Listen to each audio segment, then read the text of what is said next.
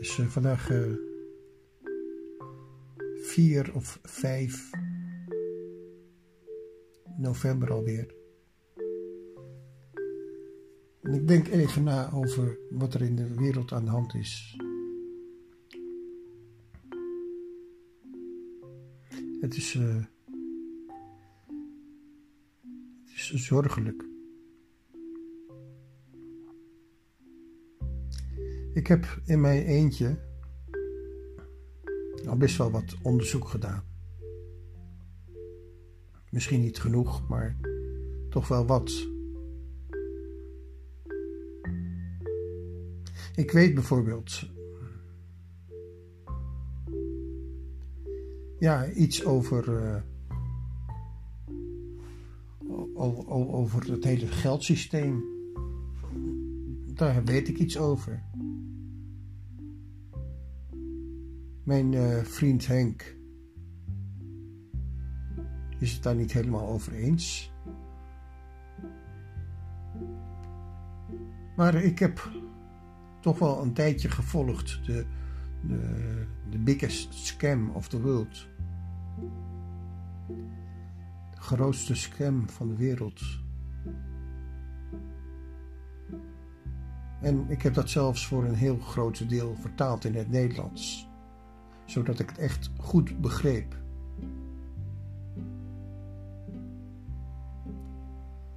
Eigenlijk zijn we al heel lang onder invloed van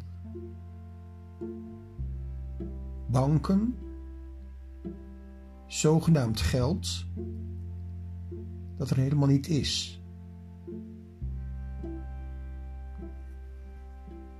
Dat zijn niet een paar euro's die er, uh, waar, het dan over gaat.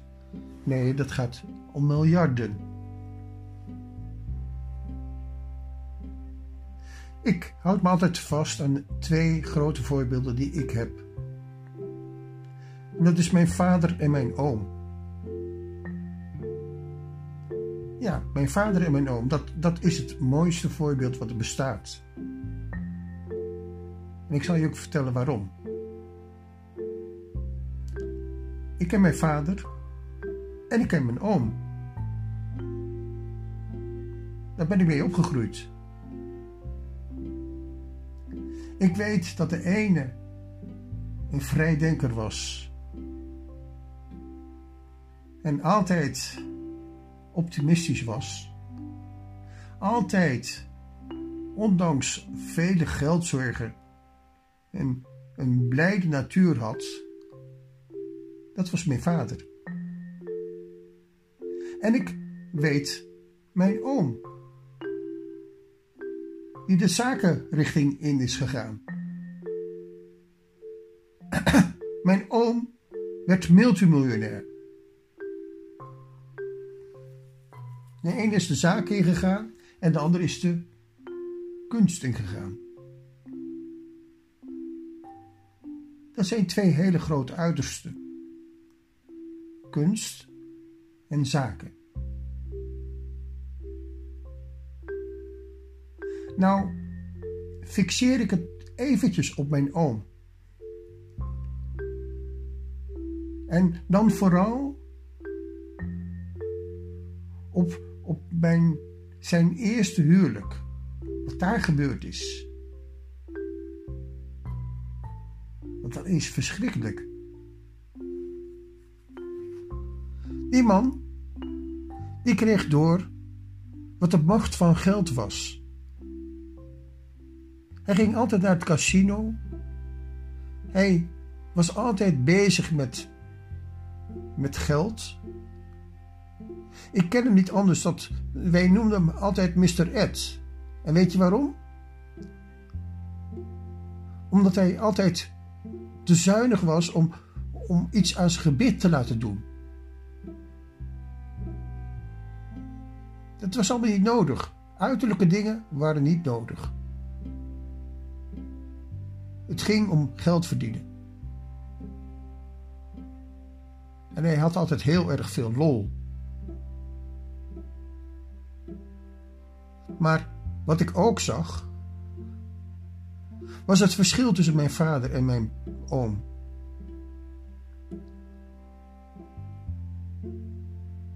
Mijn vader, bij ons thuis hadden we nooit een heel beveiligd slot nodig. Hadden we nooit een. Zelfs was het zo dat je zo bij ons binnen kon komen, omdat er een touwtje aan de binnenkant van de deur eh, was. Maar mijn oom, die had een hele duur huis, een heel groot uh, ja, villa in Doorn. En daar zat allemaal beveiliging omheen. Die moest kapitalen uitgeven voor de beveiliging. En waarom? Omdat hij zo iemand was die voor het winstbejag eigenlijk hele, ja, heel veel mensen ging ontslaan. En daar werden mensen boos om. Omdat ze dat niet wilden. Ze wilden niet zonder komen werk te komen te zitten of zonder goede uh, situaties. Hij moest zijn kinderen beschermen.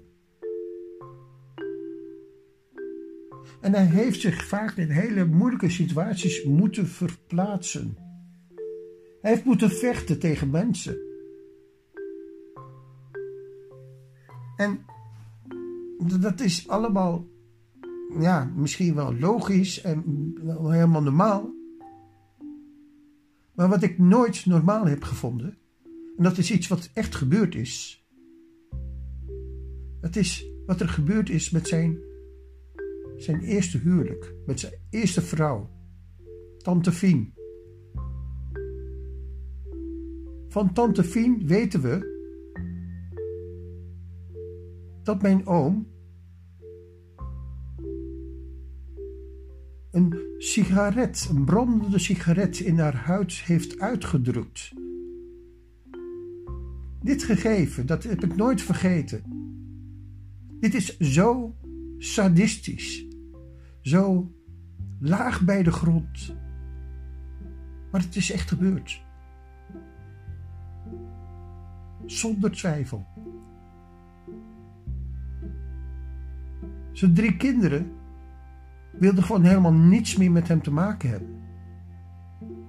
Ik heb ze nog opgezocht. Mijn nicht. En nog een andere nicht. En ik ben eigenlijk met mijn neef Wouter, die net zo eigenlijk als hem heette, ben ik lang opgetrokken. Wij konden het heel goed met elkaar vinden. Ik nam hem mee naar de discotheek in Leeuwarden. En dat vond hij heel erg leuk. En was, hij, het vond, hij vond het een bevrijding zelfs. Want hij, hij zag een wereld die hij helemaal niet kende in Hilversum. Hilversum was een kakdorp. Vond er niks aan. En het was een verademing om met mij mee te gaan. Op een zeer onbegrijpelijke wijze is hij opeens doodgegaan. Niemand zal mij vertellen of hij zelfmoord heeft gepleegd. Maar hij was gewoon opeens dood. Vraagtekens.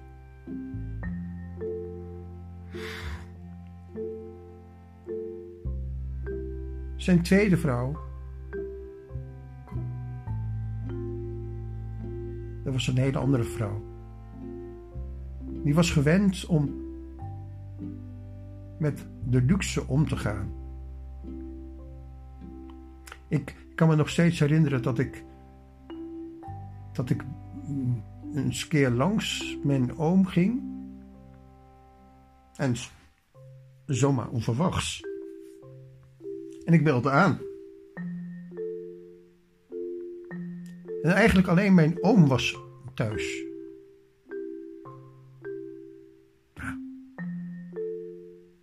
Hij, hij was helemaal zenuwachtig omdat ik daar voor de deur stond.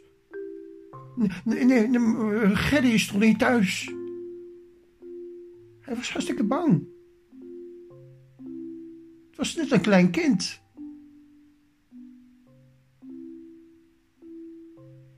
Ja, en dan denk ik, wat is dat? Wat is dat gegeven wat, wat ik daar heb meegemaakt? Mijn vader die heeft misschien een gat in zijn hand gehad. En die was geen goed voorbeeld voor mij. Wat, wat financiële handelingen aangaat. Maar mijn oom was het ook helemaal niet. Hij heeft mij bekend dat hij er een puinhoop van had gemaakt van zijn eerste huwelijk. En dat hij daar heel erg veel spijt van had. Dat, dat heeft hij mij verteld. Op die dag dat ik bij hem langskwam. Was de laatste keer dat ik hem misschien gezien heb. Toen heeft hij mij bekend dat hij het helemaal verkeerd gedaan had. Ik vond het fijn om te vernemen. Ik, ik ben niet haatdragend naar niemand niet. Maar ik kan niets tegen onrecht. Mensen die, die eigenlijk andere mensen ja, uh, willen gaan pijn doen.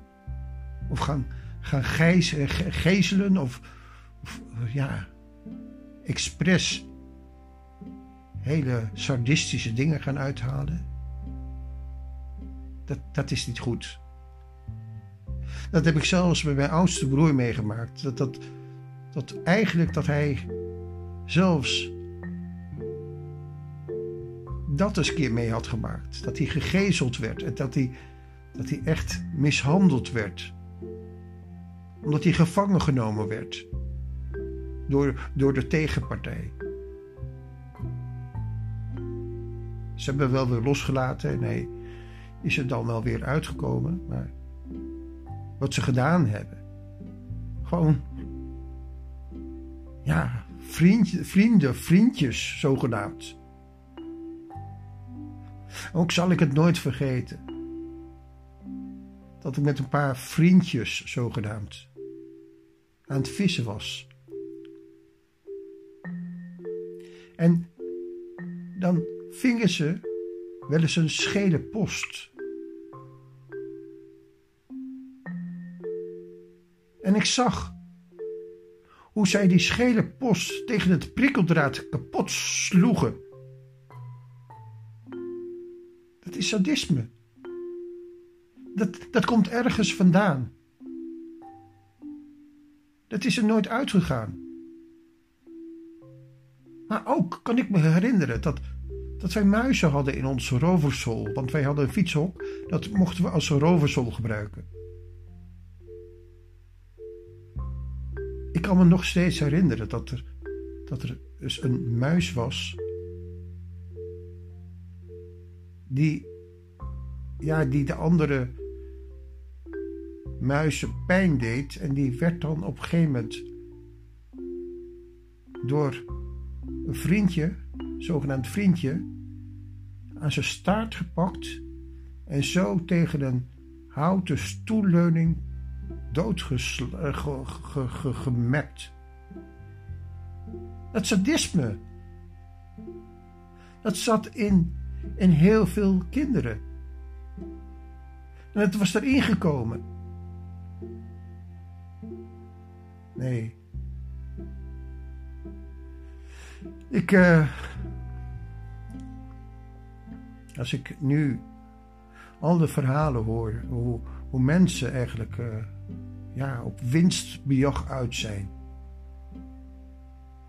Ik werd, uh, ja, ik was vandaag bij de kapper. En toen schoot mij opeens het voorbeeld, ja, schoot mij te boven. Over, over iets wat ook bijna niemand weet. En als ik dat vertel, dan, dan, dan, ja, dan worden ze gelijk onpasselijk. Maar Ik heb een hele, ja, hele treffende rapportage ooit gezien. Ik heb het nooit verslagen, helaas. Maar dat was een rapportage over, over mensenhaar. En dan voornamelijk Chinees mensenhaar. Het was op een gegeven moment bewezen dat, dat de Chinezen een middel had hadden uitgevonden dat ze maakten met Chinees mensenhaar. En dat werd samengeperst en samengedrukt tot een substantie die men in brood kon toevoegen. Een heel klein beetje maar. Maar als men dat deed, dan was het brood een dag langer vers. Eén dag of anderhalf dag. Dan zou je misschien zeggen dat, oh, dat, dat stelt niks voor, maar het is zo massaal. Zo massaal is dat ja, uh, toegepast. En ik heb beelden gezien van die fabrieken. Die stinkfabrieken waarmee allemaal Chinezen met mondkapjes werkten. Omdat het echte vreselijke, gore fabrieken waren. Ik heb de interviews gezien met, met hoge Chinese heren. Die er eigenlijk liever niet over wilden spreken. En die dat in het verdomhoekje wilden houden. Dat hele corona, dat komt uit China. China heeft er alles voor over gehad om, om eigenlijk heel veel leed te veroorzaken. Ze hadden één. Ja, het zijn eigenlijk net zoals de Japanners. Het zijn eigenlijk hele uh, kleine mensen, maar ook kunnen ze het hele harde mensen zijn. Die echt over lijken gaan. Het meest recente wat ik me kan herinneren is een fotoserie van Chinese speelgoedfabrieken.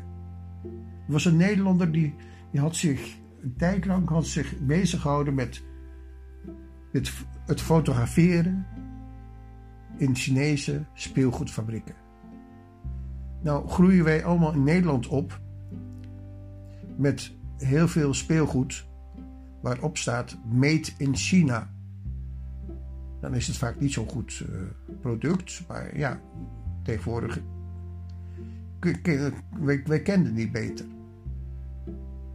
Maar dat er eigenlijk zulke on, onwerkelijke toestanden waren in die speelgoedfabrieken, dat had ik nooit geweten.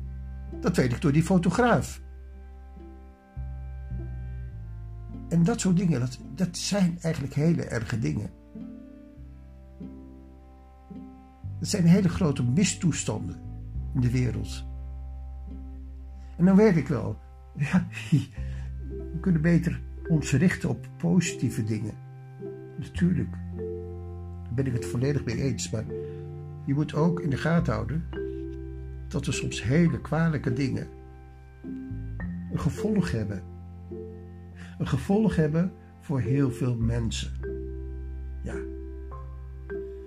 En dat dat wil ik hiermee even onderstrepen. Het, wat er gebeurt in de wereld op dit moment is niet voor niks. En laat, laat op dit moment vooral het geloof in werkelijke liefde vooraan staan, bovenaan staan. Dus niet die sadisten, niet die mensen die anderen willen onderdrukken, niet mensen die massamoorden willen plegen. Want daar gaat het naartoe. Daar gaat het echt naartoe. Als zij de macht hebben, dan kunnen ze hele bevolkingen weg laten vagen. Hebben ze geen medelijden. Vooral als ze dan merken dat het beter is voor het milieu. Dan zijn ze opeens helemaal aangedaan met het milieu. Wanneer begrijpt de mensen nou eens een keer dat, dat de mens nooit op die positie kan staan? Dat de mens, ieder mens, begaan is met een tegenstrijdige natuur. En dat het gevecht wanneer dat de vrije hand krijgt. Dat je één iemand ijdel maakt, dat je één iemand in de hoogte gaat tillen. Als de allesopvattende. Ja, dan, dan, moet je heel goed weten dat het geen mens, geen normaal mens is.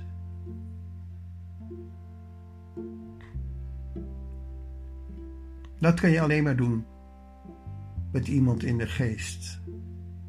Die in de geest door kan werken. In een geest van werkelijke liefde. Dat kan alleen maar met, met juist die, die liefde die, die in de mens kan zitten, waar de mens voor bedoeld is. En dat is niet voor het slechte. Dat is niet voor het sadisme. Dat is niet voor het negatieve. Dat is om het leven te genieten. Om het leven goed te hebben. Het leven van te houden.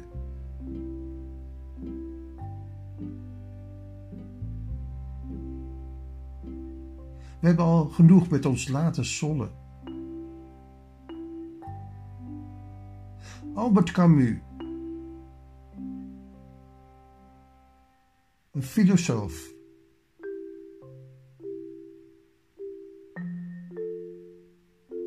concludeerde een heel belangrijk punt in het eind van zijn leven. Hij was bezig met een heel belangrijk script. Een antwoord op wat er eigenlijk in de wereld moest gebeuren.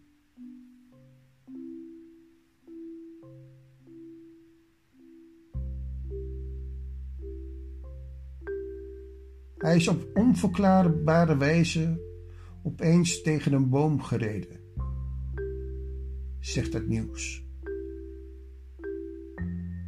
Maar onderzoeken hebben al lang uitgewezen dat dat niet een ongeluk is geweest. Dat er veel meer aan de hand is geweest.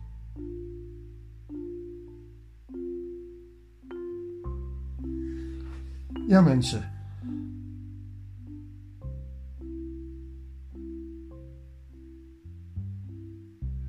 Niet het onrecht vieren. Laat de liefde, de liefde die in de geest van Jezus Christus zit, laat de liefde die in de, in de geest van God zit, laat die overwinnen en niemand anders. Amen.